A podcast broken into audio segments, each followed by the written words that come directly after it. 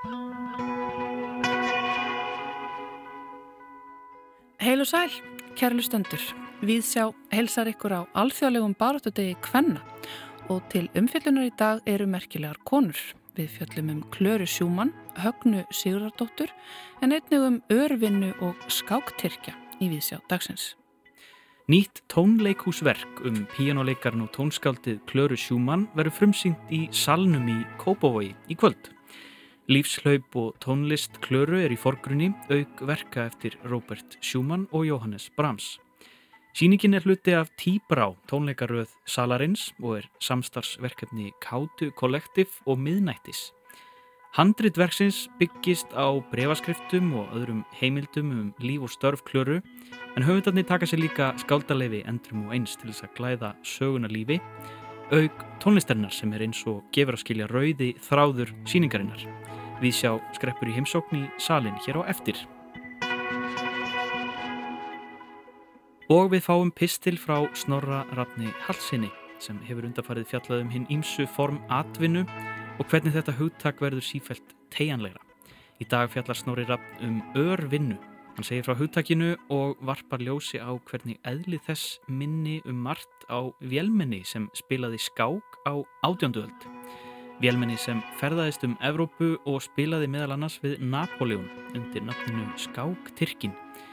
Meira um skáktyrkjan og örvinnu í þætti dagsins. En í dag byrjum við þáttinn á góðum gesti. Þegar Högna Sigurðardóttir var nýútskrifaður arkitekt frá París voruð 1960 fekk hún í hendur sitt fyrsta verkefni. Hulda Jakobsdóttir, þáverandi bæjarstjóri Kópavoks, fól henni að hanna sundlög og almenningskarð fyrir bæjarfélagið. Til að högnu er nútímaleg, ekki bara í íslensku samhengi, heldur einnig alþjóðlegu. Hún er framúrstefnuleg og kjarkmikil að sögn Gauju Dagar Haugstóttur, arkitekts, sem hefur rannsakað æfistarf högnu.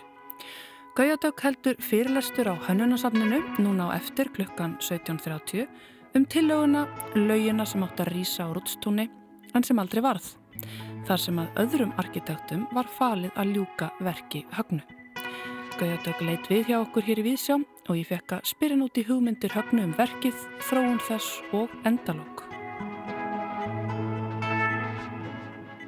Þessi sundlög sem aldrei varð og uh, þessi hönnun Rúdstún, um, þetta er eitt af hennar fyrstu verkum þegar hún kemur heim og námi er það ekki frá eða hún alltaf bjóð í París mest alltaf sína æfi? Jú, hún hérna var í löngu, löngu námi í París, alveg tók hana tíu ára að hérna klára sitt uh, nám í arkitektúr við Ég þurfa alltaf að segja þetta, ENSBA segir mann stundum sem skamastundum, fagur listaháskóla Parísar.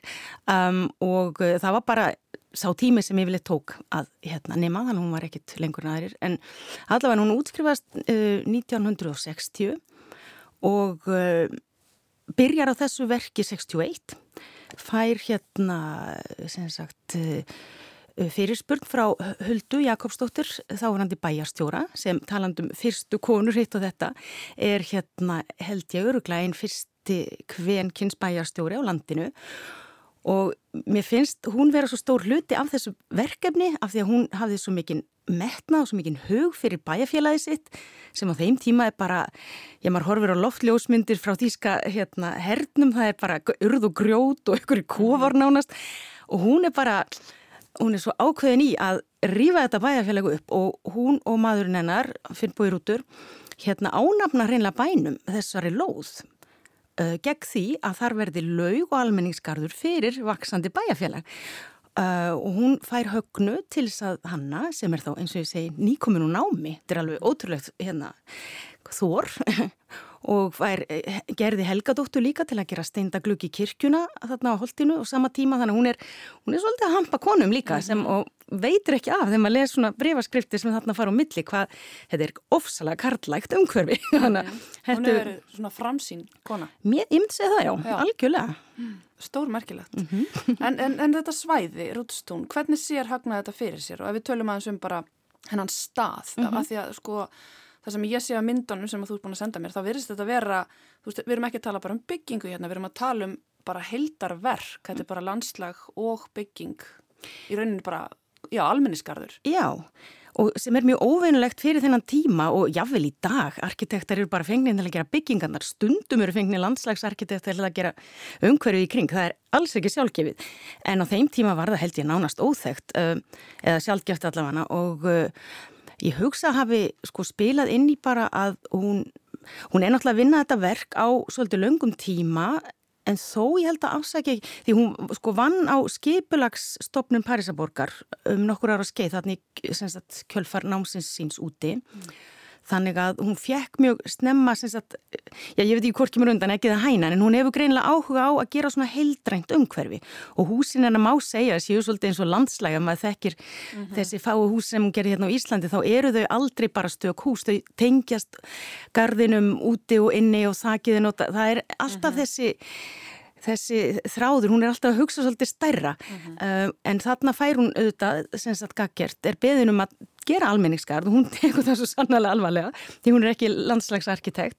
Og mér finnst kannski svolítið gaman hérna að sjá uh, hérna þó hún auðvitað taki fyrir laugar, svolítið íslensk menningar fyrirbæri að þetta með að, að, hérna, að synda út í alls konar veðrum og allt þetta að þá tekur hún, gardurinn hann er ég myndi kannski ekki segja að það væri neitt sérlega íslenskt svona ásýndar þetta er svolítið maður hugsaður um franska listigarda þar sem að fólk fer um í góðu veðri og það eru sölubásar fyrir hressingar og, og það eru fugglabúr, opinn fugglabúr fyrir örgla framandi fuggla og gróður hús með einhverju skrítnum jörtum um, vassvæði með alls konar vassleikja tengdu fyrir börn, mhm. vaðlaugar og góðsbrunnar þannig að maður sér eh, alveg fyrir sig bara veðrið er bara alltaf gott þarna og það eru bara allir í fíling eitthvað veginn. Hún reyndar hefur þetta í, þetta er hann í söðurlíðinni og, og hugsaður auðvitað, já, þessi góði arkitekt sem hún er, hugsaður um hvar skjólið eigi að vera og svo framvegis þannig að kannski að þetta bara gengiðu.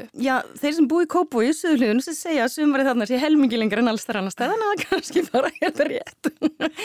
en það sem ég er svo merkilegt ef mitt líka er vegna þess að við vorum nú bara fyrir stuttu í vísja og að tala við hérna þjóðfræðing. Og þá vorum við að tala um sund út frá þessar sundsýningu sem er núna í hannunarsafninu og þar vorum við að það var hann að ræða sko hvernig í það hefur rauninni verið sko þessi sundmenning hefði verið drifin áfram fyrst og fremst að praktískum atriðum. Þá vorum við að tala um bara að kenna sund og á hreinleiti en svo er það ekki fyrir henni í setni tíð og miklu síðar sem að kemur þessi hugmyndum að njóta En höfna verist hafa verið mjög mikið á undan sinni samtíð með þetta, hvað þetta var þar?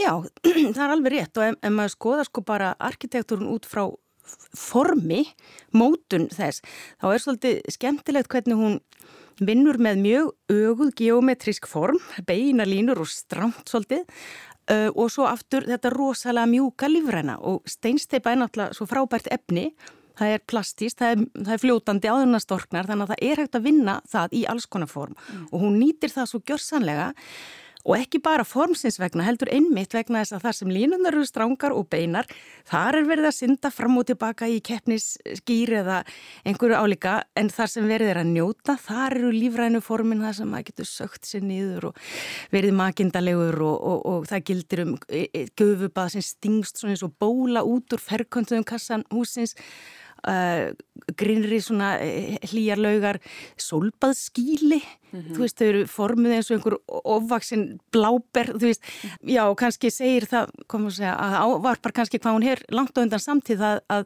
að þetta er svo aktuelt í dag mm -hmm. að vinna með sko ekki bara með eh, sjónskinnið að arkitektur sé flott og töff að sjá heldur líka þetta líkamlega að maður stýgur inn bara að koma inn í húsi það er svona svo lúðurformu trakt sem hún aði líka hugmyndir um að sagði við mig í viðtali eitthvað tíma hann ætti að vera svona ambient, eitthvað tónlist til að undirbúa mann, undir böðin mm -hmm. og þannig að hún, sko, hún er að lifa sig inn í hvernig maður fer úr einu rými í annað og hér er maður í, í kappi eða eitthvað íþróttastöði og hér er maður í nautnast þannig að þetta er þessi fyllt alveg eftir mm -hmm. svona nánast uh, sviðsett hvernig fólk fer um bygginguna og já Einmitt, hún er alltaf með þetta andrumsloft í huga og áferð og þetta er eitthvað eins og þú segir sem að kannski var ekki hluti af þessu móterinlíska arkitektur heldur á þessum tíma og mann verið hugsað bara til svona arkitekta sem hafa fengið mikla aðtikli setni tíð eins og Peter Sumtor sem hefur gert svona baðstæði viða um Evrópu þar sem að Já. þetta er einmitt aðal áherslan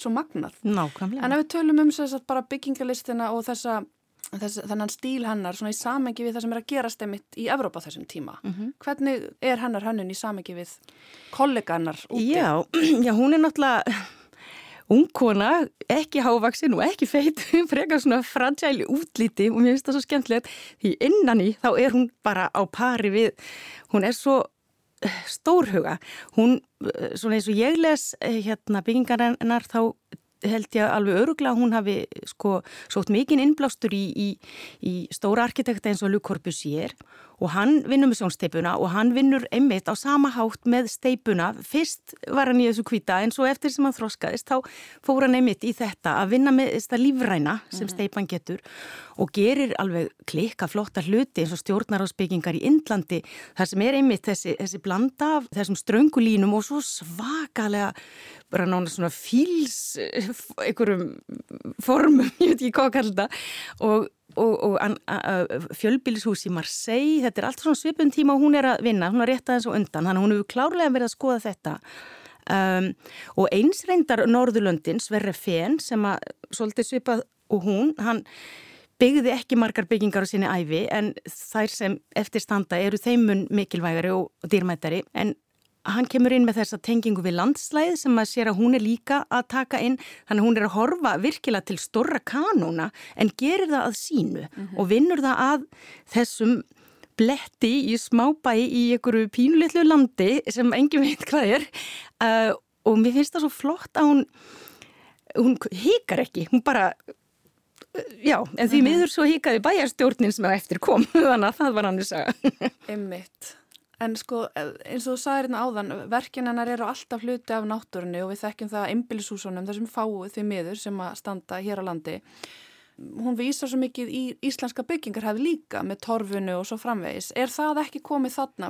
Ég sé það ekki þarna eða hvað? Jú, það er, sko, ef maður rínir í teikningarnar og nú höfum við eiginlega ekkert nema uppdrætti sem hún reyndar teiknaði algjörlega í hörgul uh, og þá og ljósmyndir af gríðalega stóru líkani sem hún gerði opbáslega fallegt sem verður sínt á fyrirlestrinum en allavega þá hérna er þessi e, sko þar sem að húsið mæti náttúrunni, hún, hún er rétt að byrja myndi ég að segja. Því til dæmis á einu stað þar sem að fer úr laugarbyggingunum út á sundlega svæðið þá er mjög ofinleg hérna, fyrir bæri sem er eins og traktformu göng aftur út, svona skáhallabraut og þar yfir, þetta er svolítið eins og kartublukofi nánast að skoða á teikningunum, þar yfir er mér tyrft og maður skýst bara þann út úr þessu og endar eiginlega beint í vaðlög og svo út í stórlöginni þannig að þetta er mikið ferli og, og, og, og maður sér sko uh, hvernig hún er að móta landið í kringum bygginguna líka.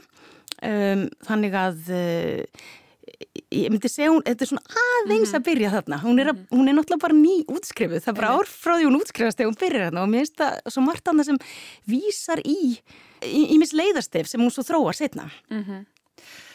Ótrúlega merkilegt og bara synd að þetta hafi ekki orðið, segðu mér aðeins frá því hvernig þetta varð ekki og svo þróast þetta, þetta úti í þá laug sem við höfum í dag Já, ég er mitt hérna búin að liggja svo leysið við skjölum og það liggja fyrir doldi flott bara sapna sendibrifum uh, á milli hennar og bæjarstjórnar. Og Hulda var því miður ekki bæjarstjórn nema eitt kjörtíma vil og eftir um, maður veit svo mikið hvað er hvað en allavega þá sér maður á sendibrifum að það er ekki fjármagn og það er bara gera eitthvað smá og, og, og hún heldur áfram að teikna og teikna og teikna og ég veit ekki hvort hún hefur átt grunum kannski að þetta er ekki að neinu en hún ætlar ekki að láta sitt eftir líka allavega. Uh, en það endar með því að hún er að það er byggð bráðabyrðalaug uh, lítið laug og tréskúr og búningsaðstæða einhvern veginn í kringum laugina í kjallaranum. Um, og svo laug hún dugði í Kópavöksbúum í 30 ár.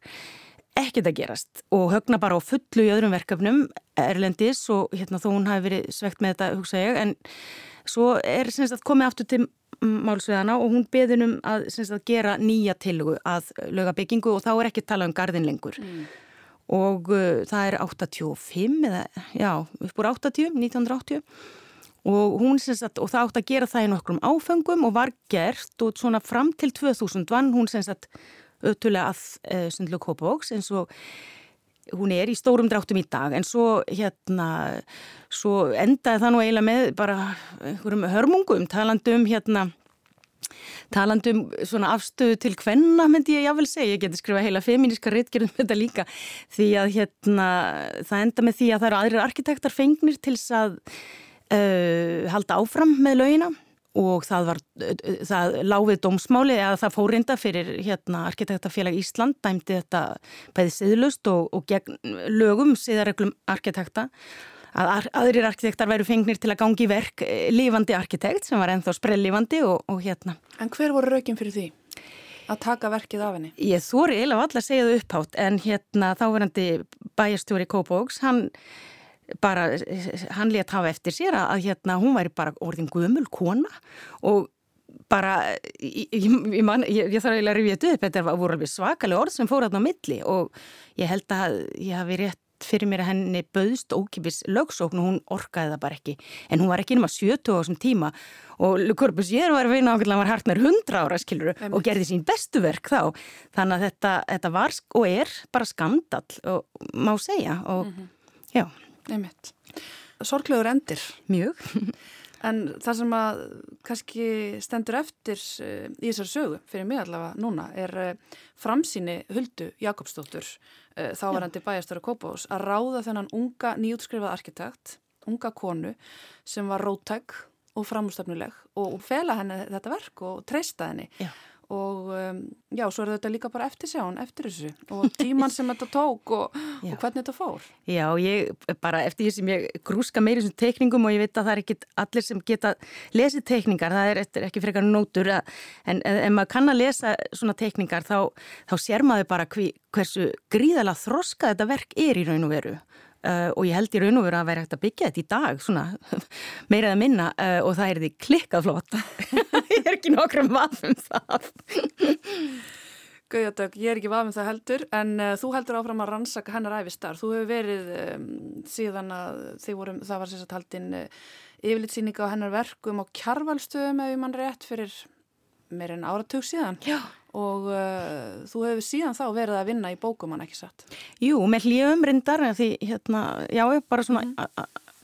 en hérna jú, ég hérna uh, ákvað að taka áskorun að hérna halda áfram að, að sagt, uh, reyna að leggjast í leinlaurglustarfi í samband við hvað hún var að gera í Fraklandi og hefur búin að fara út utan og hérna skoða það sem hún gerði og bara eftir sem ég læri meira og les meira því meiri virðingu ber ég fyrir þessari konu sem bara fór svo að gainst all odds sem að sletti nú vel hérna og á sko, nefanum stundum -hmm. en náði að gera bara ansi fína hluti líki París, Fraklandi þar að segja og byggingar sem eru vel þess virði að skoða í dag þó að margar reyndar eru ekki vel við haldið frekar en viðast hvar í heiminum. En hún er að uh, kemur náttúrulega inn kannski á svo spennandi tíma eftir hérna stúdenta uh, uppreysnina 1968 þar sem háskóla samfélagið fór svona svolítið fyrir mikill í svona endur skoðun á menningu. Og manni finnst einhvern veginn fransk menning vera svo æðiskengina þurfu ekki að hrópla við henni en það var svolítið kannski spennandi tímar sem hún var að lifa því leitinu að það var svolítið verið að, að stróka út þessi sko, hefðbundnu íhalds þessar leiðir sem aðalsmenn sínir aðalsmenn að fóru í svona nám og fengu jobbin og allt þetta þarna var bara reynlega borðið bara þurkað og allt dæmis sett í samkeppni mm. uh, sem að hleypir einmitt ungum arkitektum að og gera það og það Uh, og, og, og, þau eru hugmyndi náttúrulega sumar svo viltar að þetta var aldrei byggt að, hérna, en það er samt sem áður þetta er ákveðin svona endur nýjum sem á sér stað þegar fólk fær að hafa rödd sem að hérna vil kannski skora á það sem verið er að gera uh mhm. -huh. og ég held að það hef allt svona haldist í hendur með svona hversu svona þetta sjálfsöryggi sem hún siglir alveg í að arkitektur skipti máli og hennar byggingar í Fraklandi snerust mjög mikið um sagt, skólabyggingar og frá lægstasti og upp í háskóla og það var alltaf þetta félagslega sem var svo hennar hún, hún vildi gera eins og búa háskólana eða semst, skólabyggingar eins og, eins og lítil þorp mm -hmm. það sem að samfélög, ekki einhver hérna, einhver hýrarki og, og lög heldur að, að fólk væri saman og, og, og notar bygginguna til þess. Einmitt og þá má ég lega segja að eh, svo sín byrtist mjög vel í þessari rúdstúns sundleg. Absolut, það má segja. Guðdögg Högstóttir, arkitekt, takk fyrir að vera með okkur í Vísjá. Eh, þú brennur fyrir þessum verkum, það heyrist og hérna, þau ykkar sem hafið áhuga að heyra meira og sjá myndir mætu þetta bara á fyrirlesturinn í Hönnunasafni Íslands. Takk hella fyrir mig. Halla rætti hér við Guðdögg Högstóttur, arkitekt um laugina sem högna teiknaði en sem aldrei varð. Áhuga samir hafa enn tíma til að skella sér á fyrirlösturinn og sjá þar einnig myndir og teikningar en hann hefst klukkan 17.30 í Hönnunarsafni Íslands. En þá er það hugleiðingum örvinnu. Snorri Rapp Hallsson hefur undanfarið fjallaðum hinn ímsu form atvinnu og hvernig þetta hugtak mótast með tímanum. Í dag segir Snorri Rapp nokkur frá hugtakinu örvinnu og varpar ljósi á hvernig eðli þess minni um margt á vélmenni sem spilaði skák á átönduöld. Snorri Rapp Hallsson tekur nú við.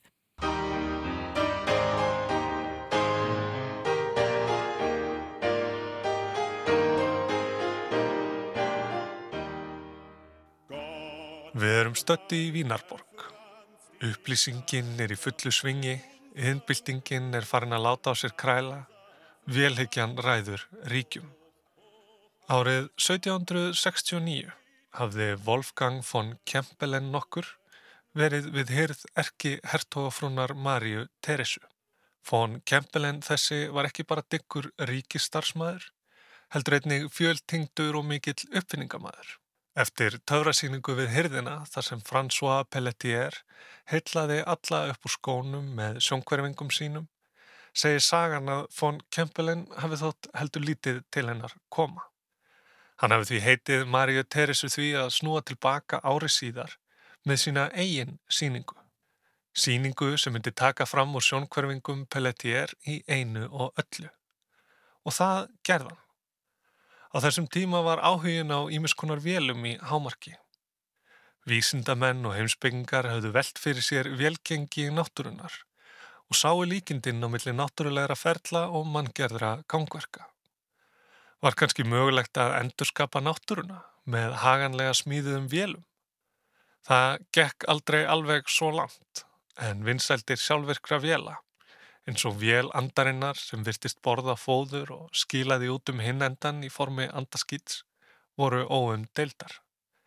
Hefðarmenni höfðu sérstaklega gaman af slíkum vélum söpnuðu þeim og fjármögnuðu smíði þeirra til að sína ríkidæmi sitt en ekki síst vísunda áhuga og velgjörð.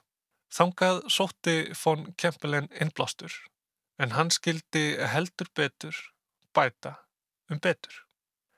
Þarna árið 1770 í Sjönnbrún höllinni sæti Habsborgara veldisins svifti von Kempelen hulunni af velminni sínu.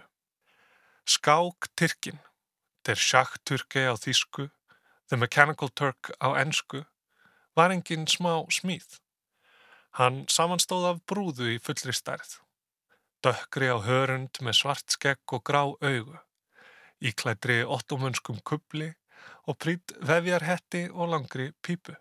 Brúðan gatt hreift höfuð og hendur og satt við nokkus konar skáp eða kassa með einsum dyrum og skúfum sem átti opna til að skiknast inn í gangverk Tyrkjans. Sjá gýrana og vogarstanginnar, fjæðrinnar og hjólinn. Og ofan á skengnum var krúnu djásnið, raukt og hvít tablborð úr fílabeini. Von Kempelen síndi hyrðinni skáktyrkjan í bak og fyrir, opnaði skúfur og skápa, trekt hann svo loks upp og tilkynnti að Tyrkin væri tilbúin að taka á móti áskoranda. Hann geti telt við hvern sem er. Þegar fyrsta skákin hófst, virtist skáktyrkin þó nokkuð klunnalegur. Reyfingarnar voru rikkjóttar og ekkert ávið fáun annara svipara velmenna frá þessum tíma. Útlitið auk þess allt heldur gerfilegt. En töfratnir lág ekki í því hvernig hann líkti eftir reyfingum og útliti heldur hugsun. Þegar leið á leikin kom nefnilega fljótt í ljós að skáktyrkin var engin aukvisi í skák. Hann brást listilega við útspilum anstæðinga sinna og hafði oftar en ekki betur. Fón Kempelen hafði tekist ætlunaverk sitt. Marja Teresa var hrifin og uppskar fón Kempelen lofatak og ríkuleg verlun. Skáktyrkin láð þó í dvala í um áratug á meðan von Kempelen snýri sér að öðru, en fyrir kvartningu Jósefs Annars, sonar Marju Teresu, setti von Kempelen skáktyrkjan saman á ný og fór að ferðast með hann um Evrópu, þar sem viðtökurnar voru engu síðri en í Sjönbrún og vann skáktyrkin hvern stormistaran á fætur öðrum. Einn frægasti áskorandi Tyrkjans var sennilega Napoleon sjálfur sem mætti Tyrkjanum árið 1809. Napoleon kom öllum að ofurum með því að leika kvítum þótt venjan væri að Tyrkin hefði leik og Napoleon reyndi svo ólöglegan leik til að klekja á vélinni.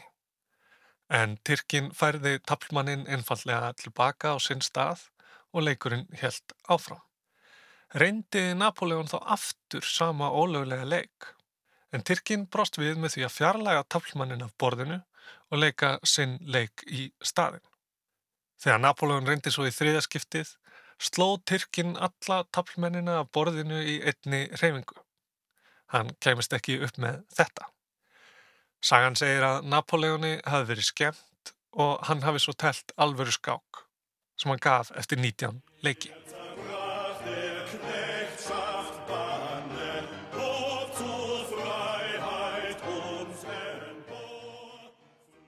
Skáktyrkin vakti ekki bara hrifningu, heldur einni óþægilegar spurningar um sjálfvirkni og hvort hægt væri að smíða vélar sem gætu hugsað.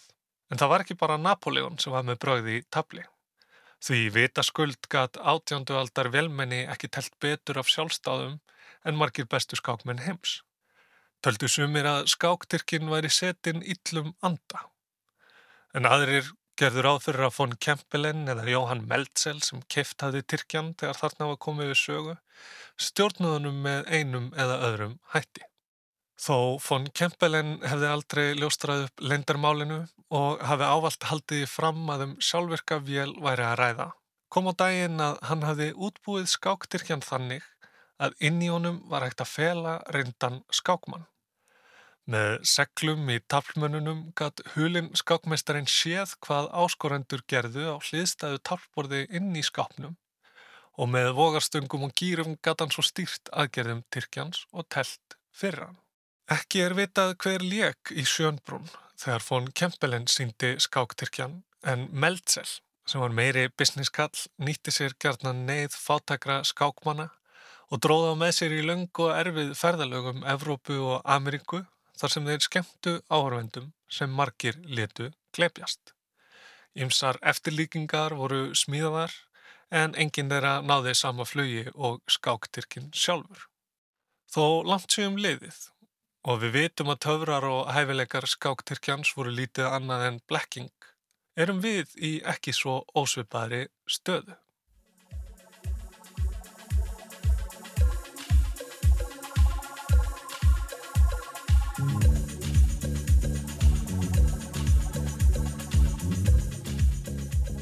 Allt í kringum okkur eru sjálfverkar vélar sem geta hugsað og tjáð sig, brugðist við umhverfinu eins og skáktyrkin við leikjum á talborðinu. Riksuðurnar okkar renna á sjálfstáðum yfir parkitið. Deep Blue vann Kasparov fyrir löngu. Sjálfkerrandi bílar eru þegar hér, þó við þurfum aðeins að hafa auga með þeim ennþá. Tölvisjón og algoritmar geta greint andlitin okkar og gerfigreind getur skrifað texta samið tónlist og svo framvegis og svo framvegis. Allt vekur þetta upp sömu dásamlegu undrunina. Afreikin eru ótrúleg, tölvurnar töfurum líkastar. En þegar við opnum skufurnar og skápana er allt eins víst að við sjáum mann en ekki gýra, flotta fólk í stað fjadra. Því rétt eins og það var ekki séns að búa til vél sem kann telt svona vel á átjöndu öld eru enn alls konar verkefni sem tölvurnar eiga í vandræðum með. Og rétt eins og skáktyrkin þá felur tæknin alla þá vinnu sem fer í það að láta tölvurnar vinna fyrir okkur. Undir allri gerfigreindinni má stundum finna gerfi gerfigreind. Síðastlegin 15 ára eða svo hefur svo kalluð örvinna vaksið ört. Lítil verkefni með lítilli umbun sem fara fram á þar tilgerðum verkvangi. Stærsta örvinukerfið er frá Amazon, M-Turk, stytting á Mechanical Turk, nefnt eftir skáktyrkjanum sjálfum, sem gekk ekki fyrir gangvirki eða forriti, yllum anda eða töfrum, heldur manni sem seldi vinnu sína. Á M-Turk eru bóðin út verkefni á borð við að skrifa upp skannaðar kvittanir eða hljóðupptökur, að merkja við hluti á myndum, gagna öflun, hreinsun og vinstlu, eða svara könnunum eða skrifa aðtúasemdir, jafnvel merkja við óviðegandi efni á samfélagsmiðlum. Slík verkefni eru kölluð HITS, Human Intelligence Tasks, verkefni fyrir mennska greint. Svona lýsir Leila Jana hugmyndinni þarna að baki, en hún var stofnandi sama Source, fyrirtækis sem hefur þann yfirlýsta tilgang að binda enda á fátækt með því að skapa ný tækifæri í ör vinnu. Við getum nú notað tölfur til þess að brjóta niður flókin ferli og beita mennskri domgrind þegar tölfur þurfa hjálp. Þetta gerir nýri tegund starfsfólks kleift að þjóna peninga. Í fyrsta skipti í sögum mannkins getur fólk sem býr fjarrri viðskiptakjörnum unnið við færibönd. Rétt eins og tækifærin sem verksmiðjuvinna skapaði verkafólki í Ameríku á síðustu öld, getur örvinna að skapa tækifæri fyrir þau jáðarsettu á þessari. Allt sem þau þurfa er í raun grunn lestrarfærni, ódýr, tölva og nettenging. En það er þessi þekking, þessi vannýtti mannauður hinna jáðarsettu sem keirir kerfin okkar áfram. Með þeirra aðstóð getur Tesla þjálfa gerfigreind bílana sinna til að skinja umhverju sitt. Með þeirra aðstóð getur Facebook fjarlægt óviðegandi efni, Google bætt myndgreiningartekni sína og Amazon sapnað markaðsupplýsingum. Allt fyrir tilstilli örvinnu sem tegir sig yfir landamæri og múra. Í TED fyrirlestri bætti Janna svo við að markmiðið væri að raungjera draum Martins Luthers King um að allir getur fengið þrjár máltíðir á dag fyrir líkamann, mentun og menningu fyrir hugan, frelsi og reist fyrir andan. Og það með aðstóð örvinu, ekki góðgerar starfsemi eða ölmusu. En það er meira en bara flókin, reikni og tölvuferli, múrar og landamæri sem eru brotið niður með örvinu. Flestir sem sinna þessum störfum búa við báar aðstæður, þar sem vinnumarkaðs lögjöfin er slæm og örvinnan greiðir undir lámaslaunum. Þrjár máltíðir á dag er því eitthvað sem ekki er endilega hægt að tryggja. Eins og verkefnalýsingarnar gefa til kynna er þetta eins einhæf vinna og vinna getur orðið, en á sama tíma er hún slitin í sundur. Eina stundina bregður þú þér í hlutverk bílastæðavarðar og merkir við laus stæði í bílastæðahúsi. Þá næstu ertu yfirmaður sem sannreinir að aukumenn úber séu þess sem þeir segjast vera og þá þriðju ertu þýðandi. Eins og sundurleit verkefnin eru því ekki til þess fallin að örfa hugan. Mentun og menning eru ekki á allra færi. Þar að ekki ríkir mikil samkeppni um að ná hits. Svo sem er fyrstur til að smetla á hnappin hreppir hnossið en aðrir gæti þurft að býða lengi eftir næsta verkefni. Að sitja tjóðraður við skjáin, að býða eftir eða berjast um bytlinga er ekki til þess fallið að frelsa mann eða veita reist. Í ofanálag er starfsfólkið algjörlega aðskilið. Hefur gert hann ekki hugmyndum hverjum það vinnur með eða fyrir hvern. Það er því engin leið fyrir það að virka nokkurt samtakamátt, kræfjast betri kjara eða breytinga á aðstæðum. Örfina er því langt frá því að endurskapa það sem verksmiðunar gerðu á sínum tíma. En þegar við veltum fyrir okkur tengslum gerfi greindar, sjálfvirkni væðingar og vinnu, berst samtalið oftast að því hvernig störfin okkar munu hverfa inn í svartan kassan. Og kannski gerist það einn daginn. En þangað til eru það Miguel í Venezuela, Fatima í Sýrlandi, Veroník á Haiti og Menilík í Eþjópíu sem hvert og eitt sinna örleitlum hluta af því sem koma skal í verk. Það eru þau sem sitja eins og skákmestararnir fátæku í þröngum kassanum og viðhalda blekkingunni um mátt tækninar og töfra gerfigreindarinnar og við fögnum framförunum grunnlaus. Skemmtum okkur konunglega og launum uppfinningamönnunum ríkulega. Alveg eins og Marja Teresa árið 1770 í höllinni sinni í Sjönbrún. 252 ár liðin og allt er við það sama.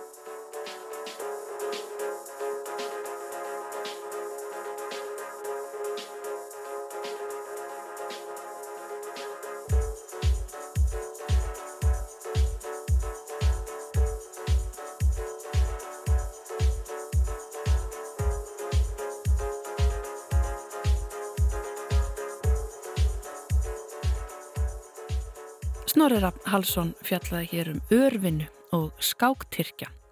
En þá bregðum við okkur í Kópavógin.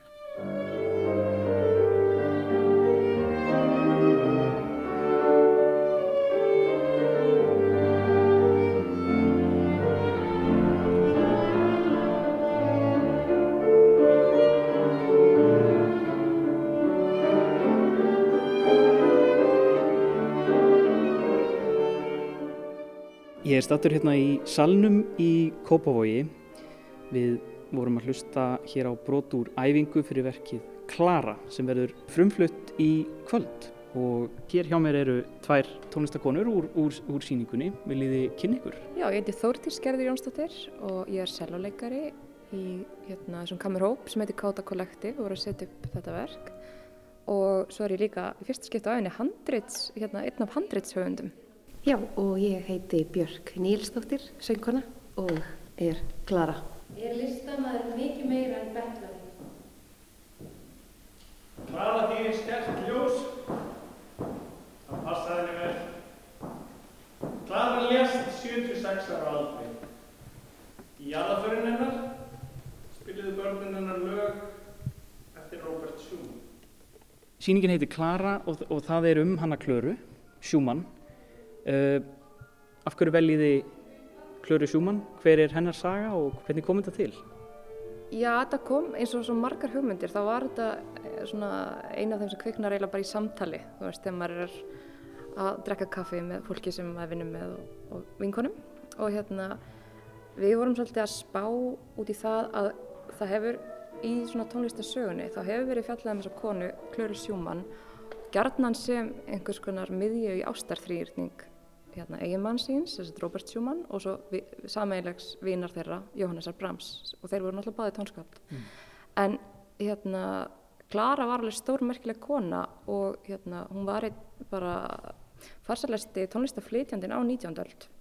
Hún var koncertpianisti, alveg bara, já, bara vakti undrun fyrir hérna, pianoleiksinn, bæði varandi tæknilega hérna, færit neðan, svo var hún líka ótrúlega svona persónlegu flytjandi, hún spilaði mjög miklum svona innileik og var til dæmis fyrsti pjánuleikarinn sem kom bara fram hérna nótnalaust á einlegstónungum mm. allavega samkvæmt þeim heimildum sem við lásum Já. og hérna og svo var hún háskólakennari kendi í tónlistarháskólanum í Leipzig og var tónskáld og tókst einhvern veginn á þessu öllu að eignast áttabönn líka þannig að okkur fannst eiginlega bara tíminn til komin að að leifa henni svolítið að eiga spotlightið án þess að vera kannski að flækja of mikið mönnunum í lifin hennar inn í þetta. Er þú að taka eitthvað svona methodleik og, og spila allt bladlust? Nei, ég náttúrulega spila ekki á pianoðið sko, þannig að ég má hvað sem er. Já, já, já, já, já. Hvernig er að undirbúa sig, nú ert þú í hlutverki Klöru, Hvern, hvernig er undirbúningurinn að, setja sig í hennar, hennar hlutverk? Já, þá náttúrulega bara svona lesa mér til um þessa góðu konu og, og svo bara læra lögin og, og textan og já, svona kannski bara, þú veist, það er alveg bara svona ímyndunaflið að gera sér grein fyrir því hvað, hvernig lífið hennar var og, veginn, og á þessum tíma líka hvernig, hvaða stöðu hún gengdi í samfélaginu. Já. Og hvaða staða er það? hún er alltaf bara eitthvað svona fyrst og fremst kona það háð henni að vissu leiti þú veist, það var pappina sem þú veist, hjóla þú sett hann alltaf einhvern veginn hann upp spila á og svo er hún einkona Robert Schumans og, og það er svona, þú veist, þá fyrir að hægja á hennar einn tónsmiðum og, og ferillin fer svona í skugga hans einhvern veginn. Og svo verðist þetta líka bara hafa aldrei hérna, áhrif á hennar sjálfsmynd veist, hún, hérna, við vinnum mjög mikið upp úr brefum og dagbakarfærslum og, og einum stað segir hún sjálf bara konur hafa ekkert verið tónskáld áður akkur ætti ég að vera fyrsta konan til að vera tónskáld mm. og hún svona missir svolítið trúna á sjálfa sig á tímapunkti mm.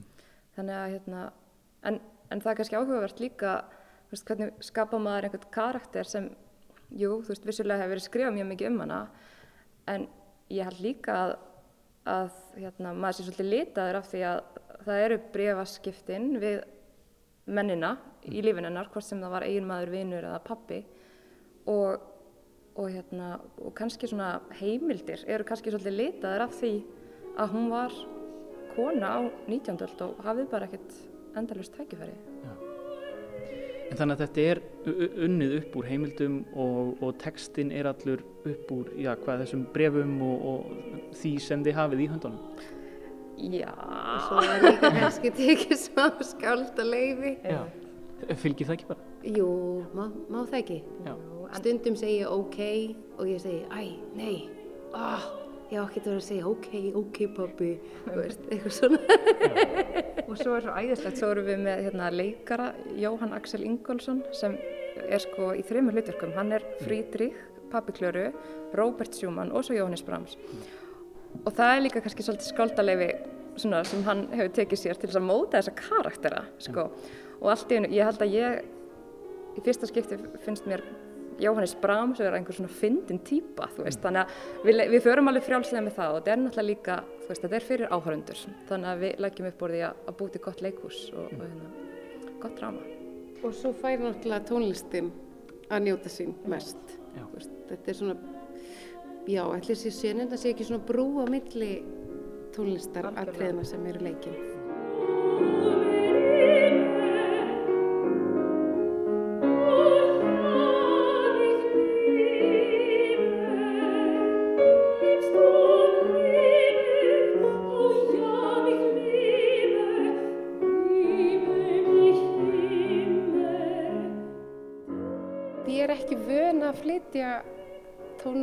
eftir konu frá þess tímubili þannig að það er einhver svona ótrúlega svona hei, að þess að segja eitthvað svona, eitthvað svona kvenlegur léttleiki yfir þessu, hún er ekki þú veist, hún er ekki svona ótrúlega þung hún er eitthvað svona samt sko er svona eitthvað svona þráður sem maður finnur og svona eitthvað svona eitthvað svona ótrúleg næmni fyrir stefjum og svona laglínum sem lifna við og alveg svona grípa mann.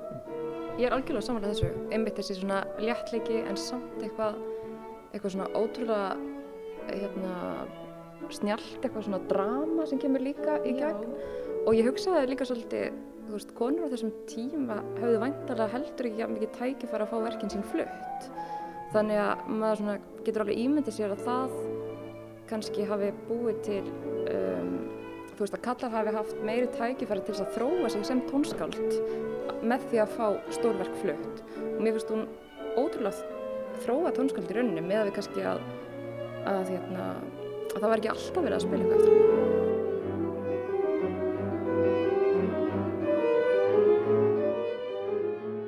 Eh, þráðurinn í verkinu, svona söguþráðurinn sem að þið takkið ykkur smá skaldalefi -hmm. svona hér og þar, hvar funduði hann? Þetta er bara æfisaga í rauninni. Hérna, við lásum okkur bara til og, og fórum að setja upp í tímalínu og það sem okkur fannst skipta máli og svo hérna, í alls konar heimildum sá maður einhvern veginn skemmtilegar senur fæðast. Hérna, hún í samskiptum við pappa sinn þegar hún var barn og síðan einhvern veginn heimilislífið eftir hún giftist Robert Schumann og þar hérna voru Sigrun Haraldóttir fyrirleikari og Agnes Wild sem er hérna leikstjórin og þær eru líka báðar handrýtsöfundar. Það er eiginlega bara svona að þróðu þetta smátt og smátt mm. og úrvarð svo heilt handrýtt sko. Uh, sungni tekstin er á þýsku eða að einhver lit á þýsku? Já.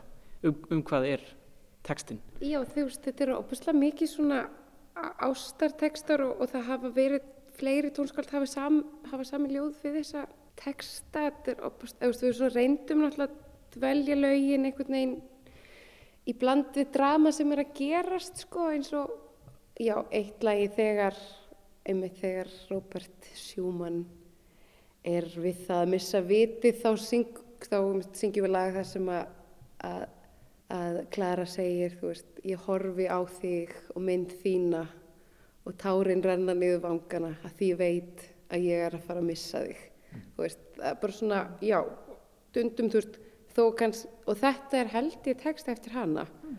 Um, en, en svo bara, einmitt, lípstóm, lípu, elskar þú ástina, þá máttu elska mig. Þannig að það þarf kannski ekki að, það er auðvelt að setja allt í samhengi.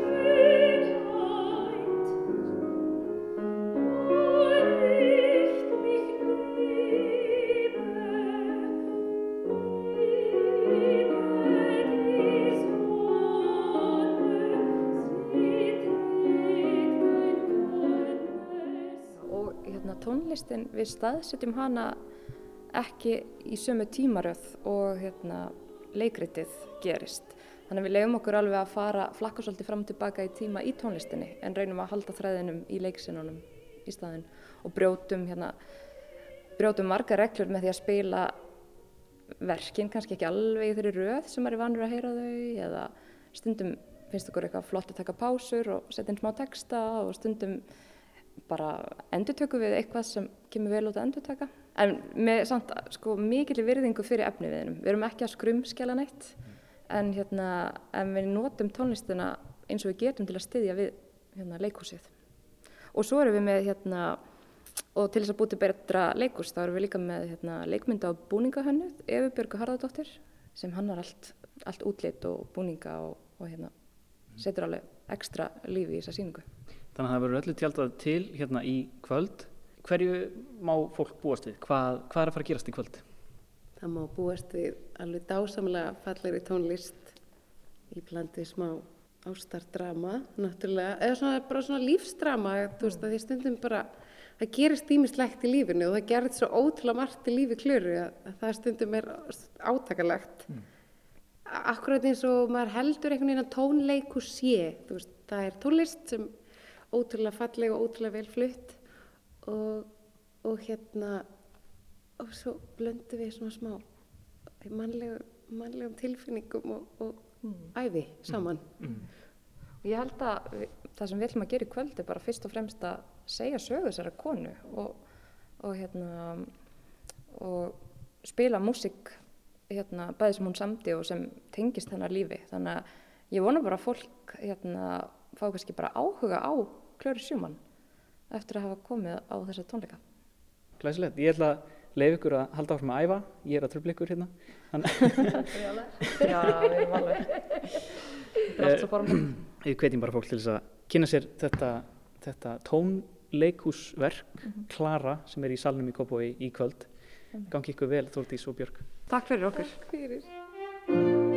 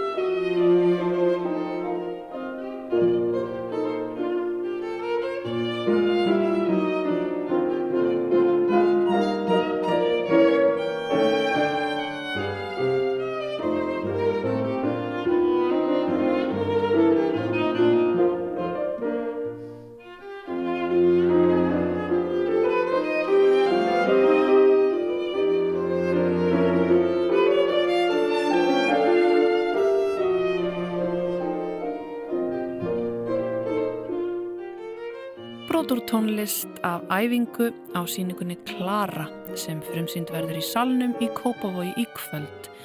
Við sjá rætti við þær Björg Níelsdóttur, söngkonu og Þordísi gerði Jónsdóttur, sæluleikara. Og þau ykkar sem hafið áhuga en komist ekki kvöld, þá verður hún einnig flutt á tónlistarháttíðinni Aldrei fór ég söður á Ísafjörði um páskana. Góð ástæð til að skella sér vestur. En þar með er við sjá á enda þennan daginn. Við verðum hér aftur á sama tíma á morgun. Takk fyrir að hlusta og verðið sæl. Verið sæl.